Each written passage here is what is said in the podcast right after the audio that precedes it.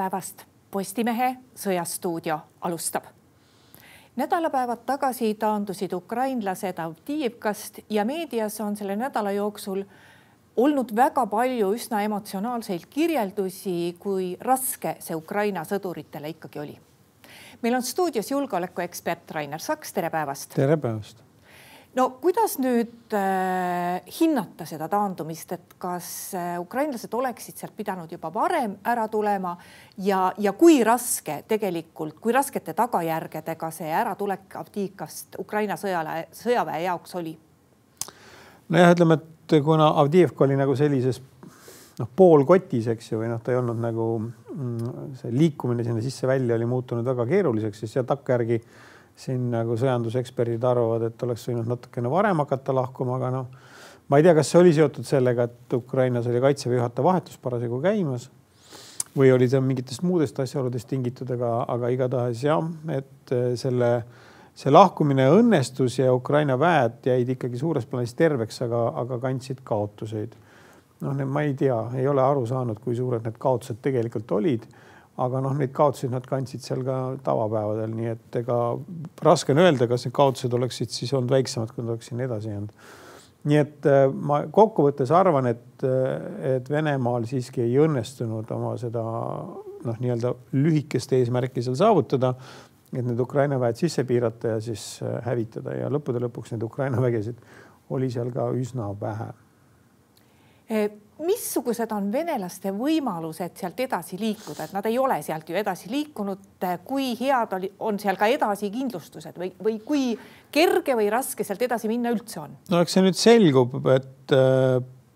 Venemaa, me võime siin kaardi peal seda vaadata, et, et kui siin on üks Lastotškine küla, Pääsukese küla, siis et äh, kuhu siis on see kaitseliin rajatud siia ette ja Avdiivka oli siis siin, eks ju, kust siis välja taanduti. aga no siin on rinne nagu selles, nendes vanades joontes, nagu nad enne olid, et see on siis nii-öelda see uus joon. no praegu Venemaa on siis nüüd üritanud viis-kuus päeva seda, seda joont nüüd nagu siis uut kaitseliini rünnata, ei ole siiamaani midagi õnnestunud no arvestades, kui väga nad tahtsid seda Avdiivkat kätte saada, nad ju ikkagi kontsentreerisid oma sõjaväge ka sellesse piirkonda oluliselt ja oluliselt rohkem, kui seal kunagi varem oli. et kas need, arvestades seda, mis jõudu venelastel seal on ja kui palju nad seal ka kaotusi on kandnud, et kas selleks, et sealt edasi minna, peaksid nad veel sinna midagi juurde tooma? no tõenäoliselt ikkagi nagu valdav osa nendest vägedest, mis seal võitlesid, said väga tõsiselt kannatada Vene äh, poole peal, need noh, eks sa pead seal kindlasti roteerima, vahetama, aga nagu ma arvan, et et noh, päris nagu kõiki reserve nüüd Venemaa ka ei ole veel mängu pannud, et eks neil mingisugused reservid on veel olemas. et siin Ukraina sõjaväeluure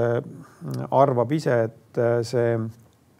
pealetungi nagu see kõige suurem äh, niisugune laine Vene armeel tuleb võib-olla noh, siin paari kuu pärast, ütleme kuskil märtsi lõppu, aprill ja praeguseks hetkeks ju Vene armee vaatamata siis oktoobrist alustatud nagu natukene aktiivsematele tegevustele.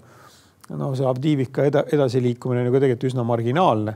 et ega mingisugust nagu suurt edu seni ei ole nad saavutanud, nii et see, see, mida nagu Venemaa väejuhatus ja poliitiline juhtkond on seadnud eesmärgiks, et selle saavutamisest ollakse ikka väga kaugel et seda Donbassi ikka tervikuna lähitulevikus ei õnnestu neil kuidagi ära võtta? no ma praegu tundub niimoodi, et see, miks nüüd siin põhjendatakse, et miks Ukraina nagu Avdiivkast taandus, et, et see oli suurtükimoona puudus, et eks see moonapuudus annab tunda, aga ma olen pigem nõus nendega, kes ütlevad, et see peamine põhjus, miks sealt välja tuli tulla, oli siiski see, et nad Vene lennuväega ei suutnud nagu toime tulla ja nüüd korraga nad on hakanud seda suutma rohkem, nii et, et siin käib kogu aeg nagu selline mäng, et üks, mõlemad pooled üritavad saada ülekaalu. ja Venemaal nüüd täna hommikul jälle kaotati üks, üks ründelennuk, see Su kolmkümmend neli, mis on noh, kahtlemata kõige väärtuslikum lennuk praegu Venemaa lennukipargis, kõige uuem. et no see nagu näitab, et see laskemoona puudus ei ole see ainukene tegur, millega Ukraina siin peab arvestama, et kui ta suudab seda Vene lennuväge tõrjuda, siis ikkagi Venemaal lootusi edasi tungida ikkagi väga vähe no täna öösel, kui tulla viimaste sündmuste juurde, ründasid venelased taas Ukrainat rakettidega ja sedapuhku nüüd rakettidega, mida ei ole Ukraina õhutõrjel väga kerge alla võtta. kas me teame, kui suured need kaotused olid? ei ole selle kohta infot näinud, et äh, võimalik, et nendega ei tabatud midagi olulist. Aga praeguseni jah, ei ole nagu selle kohta nagu mingisugust infot ilmunud, nii et, et tundub, et see tänaöine rünnak, mille Venemaa korraldas, et, et noh, sellel mingeid erilisi tulemusi ei ole olnud eh, kuidas venelased ikkagi neid äh, äh, SU kolmkümmend neli rundelennukeid, mis, nagu te ütlesite, on neile väga väärtuslikud, niimoodi nüüd järjest kaotavad, sest et äh, nad vahepeal olid siiski üsna ettevaatlikud, tulemaks nendega liialt rinde lähedale. Jah, tundub, et siin on nagu kaks asja nüüd nagu saavad kokku, nagu niisugustel puhkudel sageli juhtub, et ühtepidi Ukraina on kuidagi nüüd oma õhutõrjevõimekust siin äh, Ida-Ukrainas nagu kasvatanud viisil, millest Venemaa juhtkond või armee juhatus siis võib-olla aru ei saa täpselt. see on nagu üks moment ja teine moment on see, et kuna neilt nõutakse väga suurt äh, kiiret pealetungi Vene armeelt ja siis see lennuvägi on kriitilise tähendusega, Ukraina sellega ei ole siiamaale suutnud nagu olnud hakkama saada, et siis nagu sunnitakse seda lennuväge tihedamalt töötama ja võtma suuremaid riske.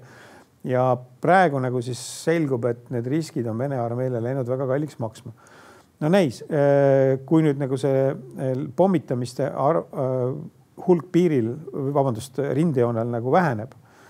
siis on selge, et noh, Venemaa pealetungi tempo ka langeb kohe kindlasti.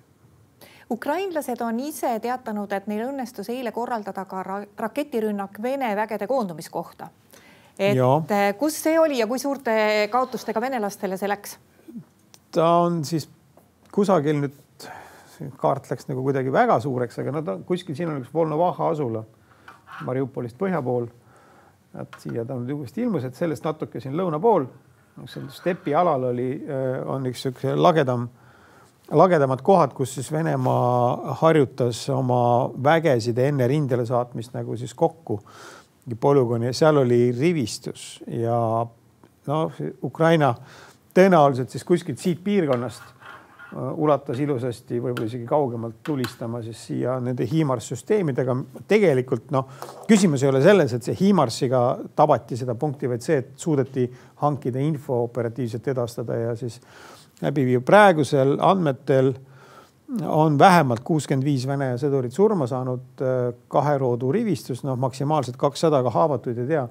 nii et äh, arvata võib, et niisugune ühekordsetest kaotustest, mis on mittelahingulised just, et noh, on see nagu eriti, eriti valus, et äh, viimane niisugune oli ikkagi tükk aega tagasi, et vahepeal ei ole, ei ole Vene väed nagu sellist võimalust pakkunud ukrainlastele venelased on ise kuulutanud, et neil on nüüd äh, üsna, et nad on üsna edukad olnud nüüd Dnepri idakaldal, võtmaks tagasi siis äh,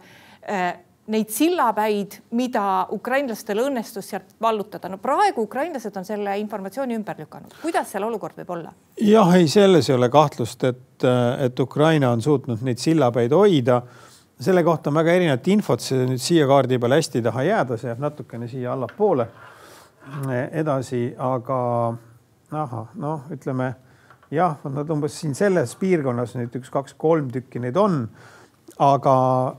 selle asja pildi teeb segasemaks veel see, et, et sealt Dnepri delta aladel käib ka pidev võitlus nende saarte pärast ja saarte pärast sellepärast, et, et kui, kui saared on kumma poole kontrolli all, siis tal on rohkem nagu võimalusi üle jõe liikuda.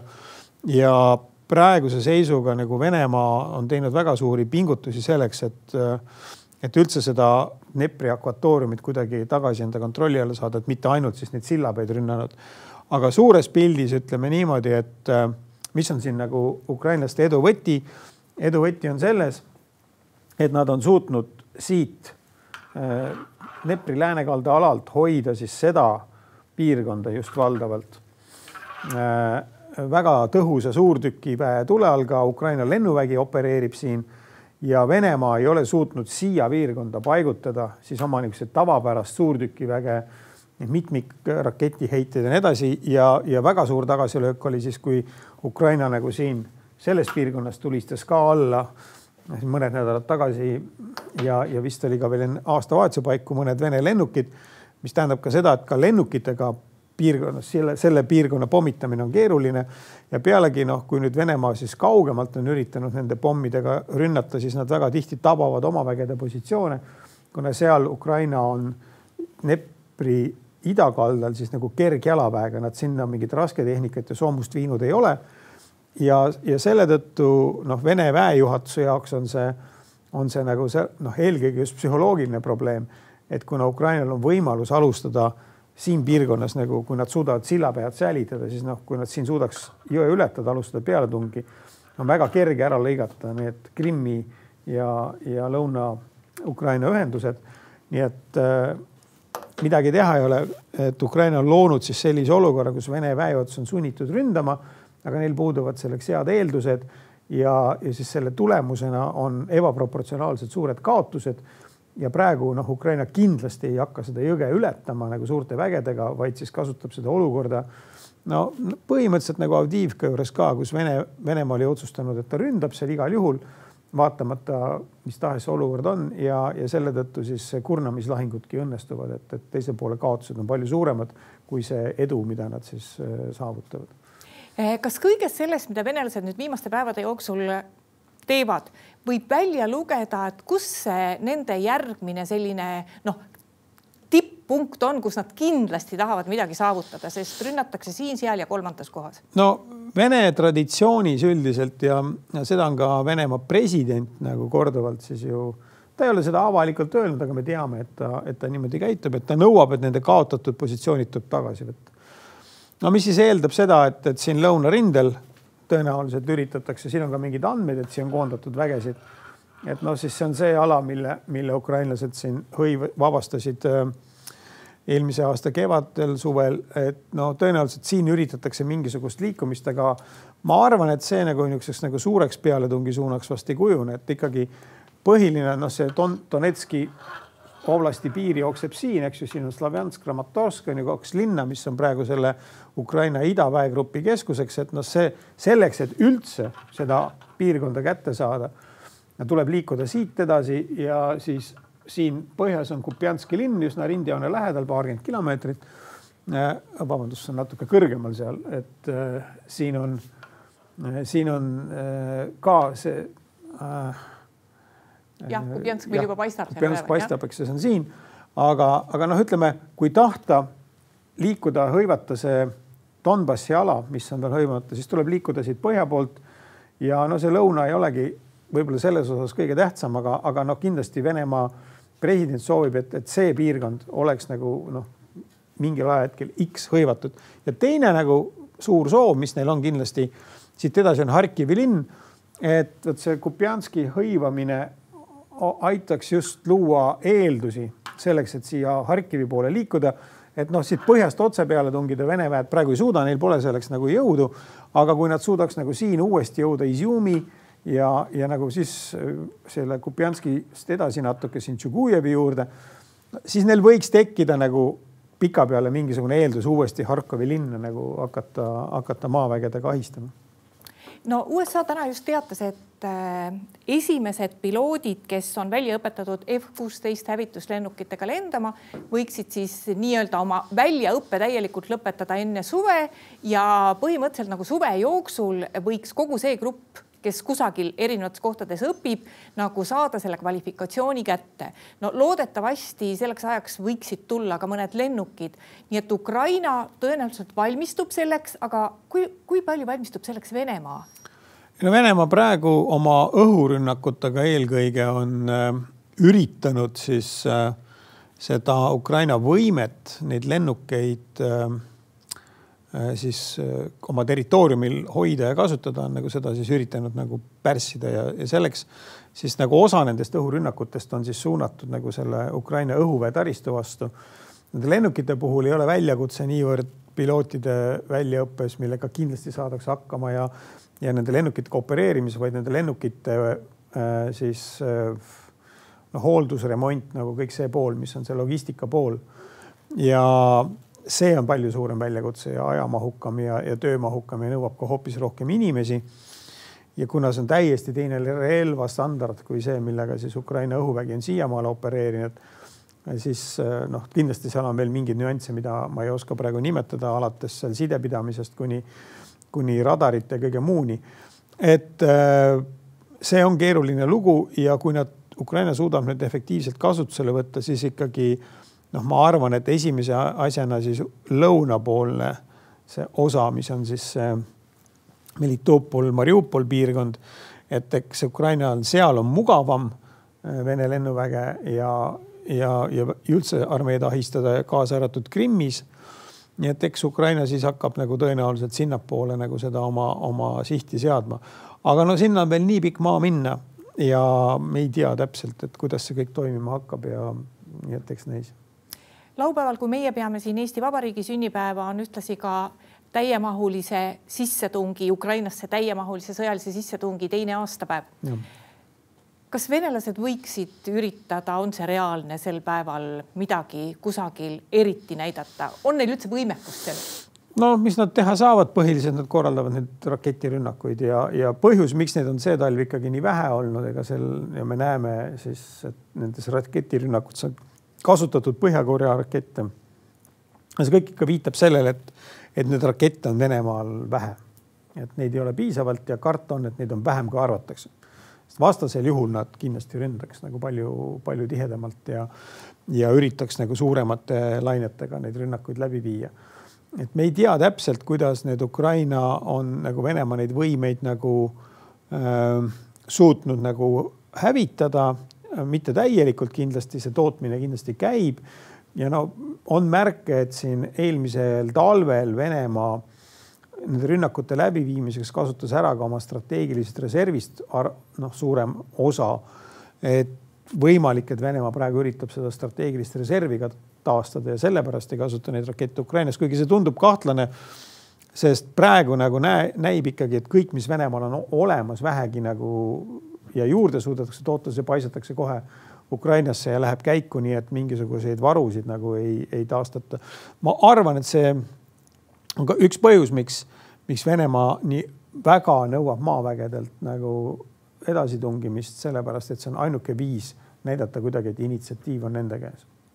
kui kriitiline on ukrainlaste jaoks praegu ikkagi see laskemoona puudus? No ta hakkab muutuma järjest kriitilisemaks, ega siin mingit nalja ei ole, kindlasti ei ole see võrreldav olukorraga kahe tuhande kahekümne teise aasta suvel, kus äh, need Nõukogude äh, laskemoona varud ja, ja see hakkas nagu kiiresti otsa saama ja, ja muud varu ega mingisuguseid vahendeid ei olnud. et sellega võrreldes on see olukord kindlasti praegu parem. aga kui nüüd USA ei tee oma neid otsuseid ära, siis seal on noh, see põhiline küsimus ei ole isegi niivõrd selles, et et see laskemoon, mida oleks võimalik saada, oleks niivõrd kallis ja nii edasi, kuivõrd, et USA-s seda peaks hakkama keegi siis välja ostma. ja noh, seda praegu keegi teha ei soovi. ja, ja no see oleks ka väga rumal ja nüüd USA nagu ise ei suuda neid kuidagi nagu teistmoodi üle anda, aga peab tulema see kongressi rahastamise otsus, nii et see protsess on häbiväärselt pikale veninud. ja kui seda otsust nüüd tuleks, siis vabanevad tõenäoliselt ka mingid muud võimalused kuidas seda varustust oleks võimalik edasi hankida, nii et no ma ei tea, veebruari jooksul ma arvan, see juhtub, siis Ukraina armeel veel nagu sellist kokkukukkumise ohtu küll ei ole. aitäh, Rainer Saks tulemast Postimehe Sõjastuudio saatesse. palun. ja aitäh ka kõigile, kes meid vaatasid. Postimehe järgmine otsesaade on eetris juba homme. seniks lugege uudiseid postimees.ee